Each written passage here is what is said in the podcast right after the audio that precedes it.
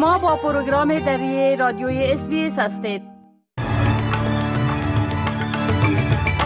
با عرض سلام ما صاحب شکیب شما را به شنیدن مهمترین اخبار امروز هشتم ماه دسامبر سال 2023 دعوت می کنم. حکومت استرالیا به معلولین وعده خدمات بهتر و حمایت گستردهتر داده است. ملل متحد از احتمال پاسخگویی حکومت طالبان به محکمه بین المللی جنایات به خاطر اعمال تبعیض جنسیتی سخن گفته است. در ادامه حملات نیروهای اسرائیل در جنوب غزه از تلفات بیشتر غیر نظامیان گزارش شده است.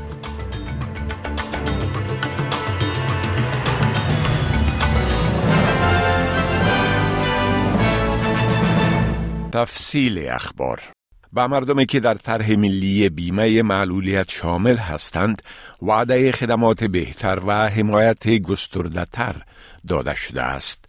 حکومت فدرالی روز پنجشنبه گزارش بررسی مستقل این طرح توسط یکی از بنیانگذاران آن پروفسور بروس بونیهادی و کارمند ارشد سابق دولتی لیزا پال را نشر کرد. صدر اعظم انتونی البنیزی در جلسه کابینه ملی به روز چهارشنبه با رهبران ایالتی و قلمروها در مورد پاسخگویی به پیشنهادات این بررسی به توافق رسید.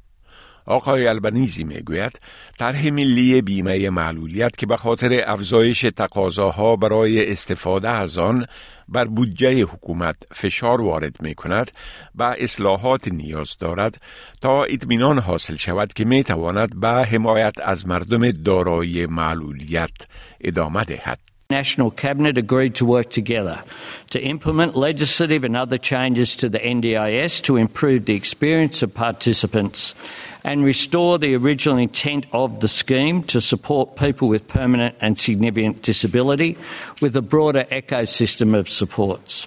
حکومت متعهد شده است که یک هشار دو میلیارد دلار دیگر را برای تقویت سیستم مدیکیر استرالیا سرمایه گذاری خواهد کرد تا فشار بر شفاخانه های استرالیا کاهش یابد.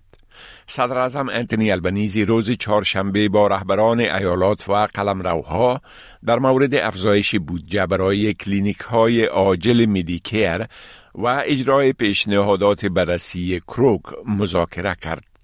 این افزایش در بودجه همچنان استرالیایی های مسنتر را هدف قرار می دهد تا از طریق فراهمی مراقبت های اولیه بستری شدن آنها در شفاخانه ها را کاهش دهد و همچنان امکان بیرون شدن زود انگام آنها از شفاخانه ها را فراهم کند.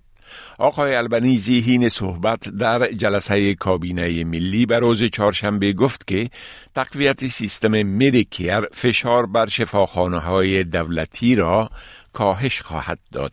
Importantly, Australians want an approach to health care that recognises that primary care and hospital care are linked and that we need to strengthen primary care in order to take pressure off hospitals. But they need both. پارلمان مجموعه از قوانین جدید را برای جلوگیری از سیگرت کشیدن در بین جوانان تصویب کرده است که شامل هشدارهای گرافیکی جدید در مورد سیگرت کشی و استفاده از ویب ها یا سیگرت های الکترونیکی است. مارک بطلر وزیر صحت می گوید که حکومت با این اقدام به آمار نگران کننده پاسخ می دهد که نشان می دهد استراتژی های بازاریابی نو شرکت های تنباکو با در نظر داشت جوانان روند تقلیل 50 ساله در میزان سیگرت کشیدن را متوقف کرده است. این قوانین جدید استفاده از نامهای جذاب برای محصولات سیگرت الکترونیکی را ممنوع می کند استفاده از برچسب های هشدار گرافیکی و واضح تجدید شده را روی کار می آورد و بسته های تنباکو را همراه با تراحی و زواهر فلترها میاری می سازد.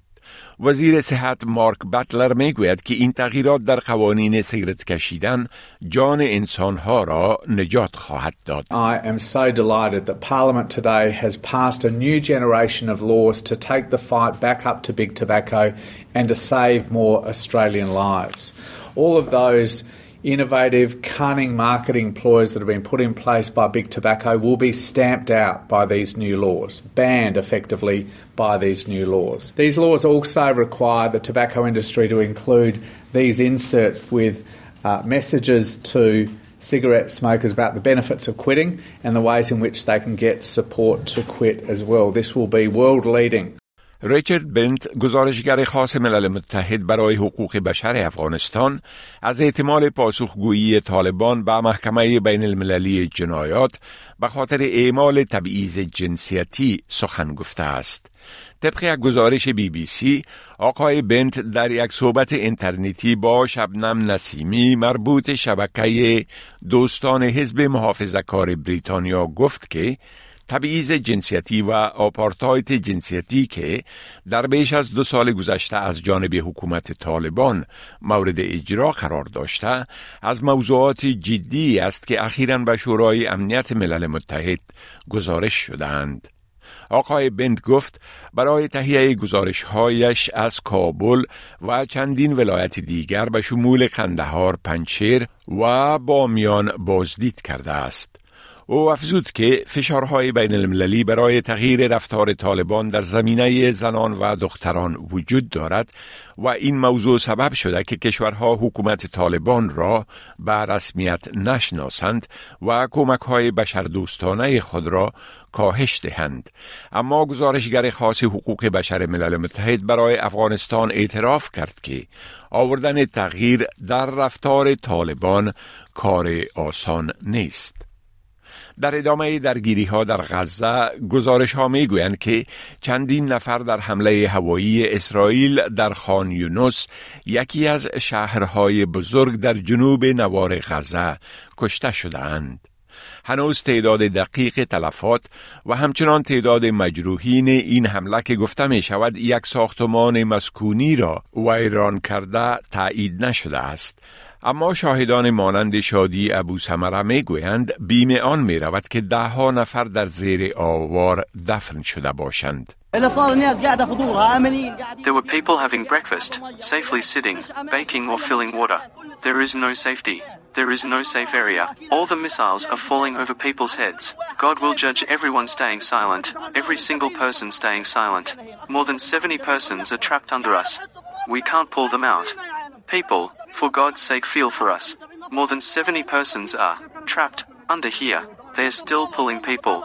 We pulled out from maybe more 20 or 30 persons, and they're still at it. Right below our legs, there are probably some 70 people. نیروهای اسرائیلی همچنان در یکی دو روز گذشته اقلا دو بار به شهر رفع در جنوب غزه که تصور می شود یکی از آخرین محلاتی است که غیر نظامیان پس از گسترش حملات اسرائیل علیه حماس می توانند به آنجا پناه ببرند حمله کردند. اسرائیل حماس را متهم می کند که در زیربناهای غیر نظامی مانند شفاخانه ها و مکاتب مستقر می شود و از فلسطینی ها به حیث سپر انسانی استفاده می کند اما حماس این ادعا را رد می کند رابرت جنریک وزیر مهاجرت بریتانیا پس از نشر مسوده قانون اضطراری به منظور اجرای طرح اعزام مهاجرین و پناهجویان به رواندا از مقام خود استعفا داده است. جیمز کلیورلی وزیر امور داخله آن کشور حین تایید این استعفا در مجلس عوام گفت که باید در آن مجلس به جای مردم بر مقننه صحبت شود. Mr. Deputy Speaker, that, that, that, has been confirmed. Of course, I speak uh, with the ministers in the uh, department uh, uh regularly, but ultimately, the questions at this the questions at this session should be about the bill rather than about individuals in the House. Francois. Thank you, Mr. Deputy Speaker. استعفای جنریک با فشار بر حکومت صدر اعظم ریشی سوناک که در حال حاضر در مورد مدیریت امور مهاجرت و موضوعات دیگر با انتقادهای مواجه گردیده افزوده است. استعفای او سوالات را در مورد آینده سیاست ایزام پناهجویان به رواندا ایجاد می کند. سیاستی که در مقابل آن در محکمه اقامه دعوا شده و با مخالفت فراوان از سوی گروه های حقوق بشر مواجه گردیده است. افرادگرایی دست راستی در استرالیا با انجام یک تحقیق جدید مورد بررسی قرار خواهد گرفت. یک کمیته پارلمانی تهدیدات ناشی از جنبش های افراطی به شمول انگیزه ها اهداف و ظرفیت آنها برای خشونت را در سال آینده بررسی خواهد کرد. این تحقیق پیوندهای افراد و گروه ها با جنبش های بین المللی را بررسی خواهد کرد تا معلوم کند که مردم چگونه تندرو می شوند و همچنان اینترنت و رسانه های اجتماعی در ترویج افرادگرایی چی نقش را ایفا می کنند. اقدامات برای مقابله با افرادگرایی خشونت آمیز و افرادگرایی جوانان نیز مورد بررسی قرار خواهد گرفت. این کمیته همچنان قوانین ضد تروریسم را که به نمایش گذاری نشانهای نازی و سلام نازی را جرم می داند و در این هفته تصویب شدند بررسی خواهد کرد. این بود گزارش رویدادهای مهم از برنامه دری رادیوی اسپیس.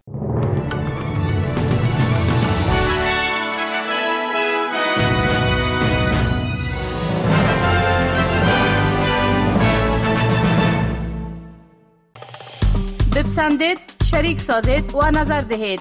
اسپیس دری را در فیسبوک تعقیب کنید.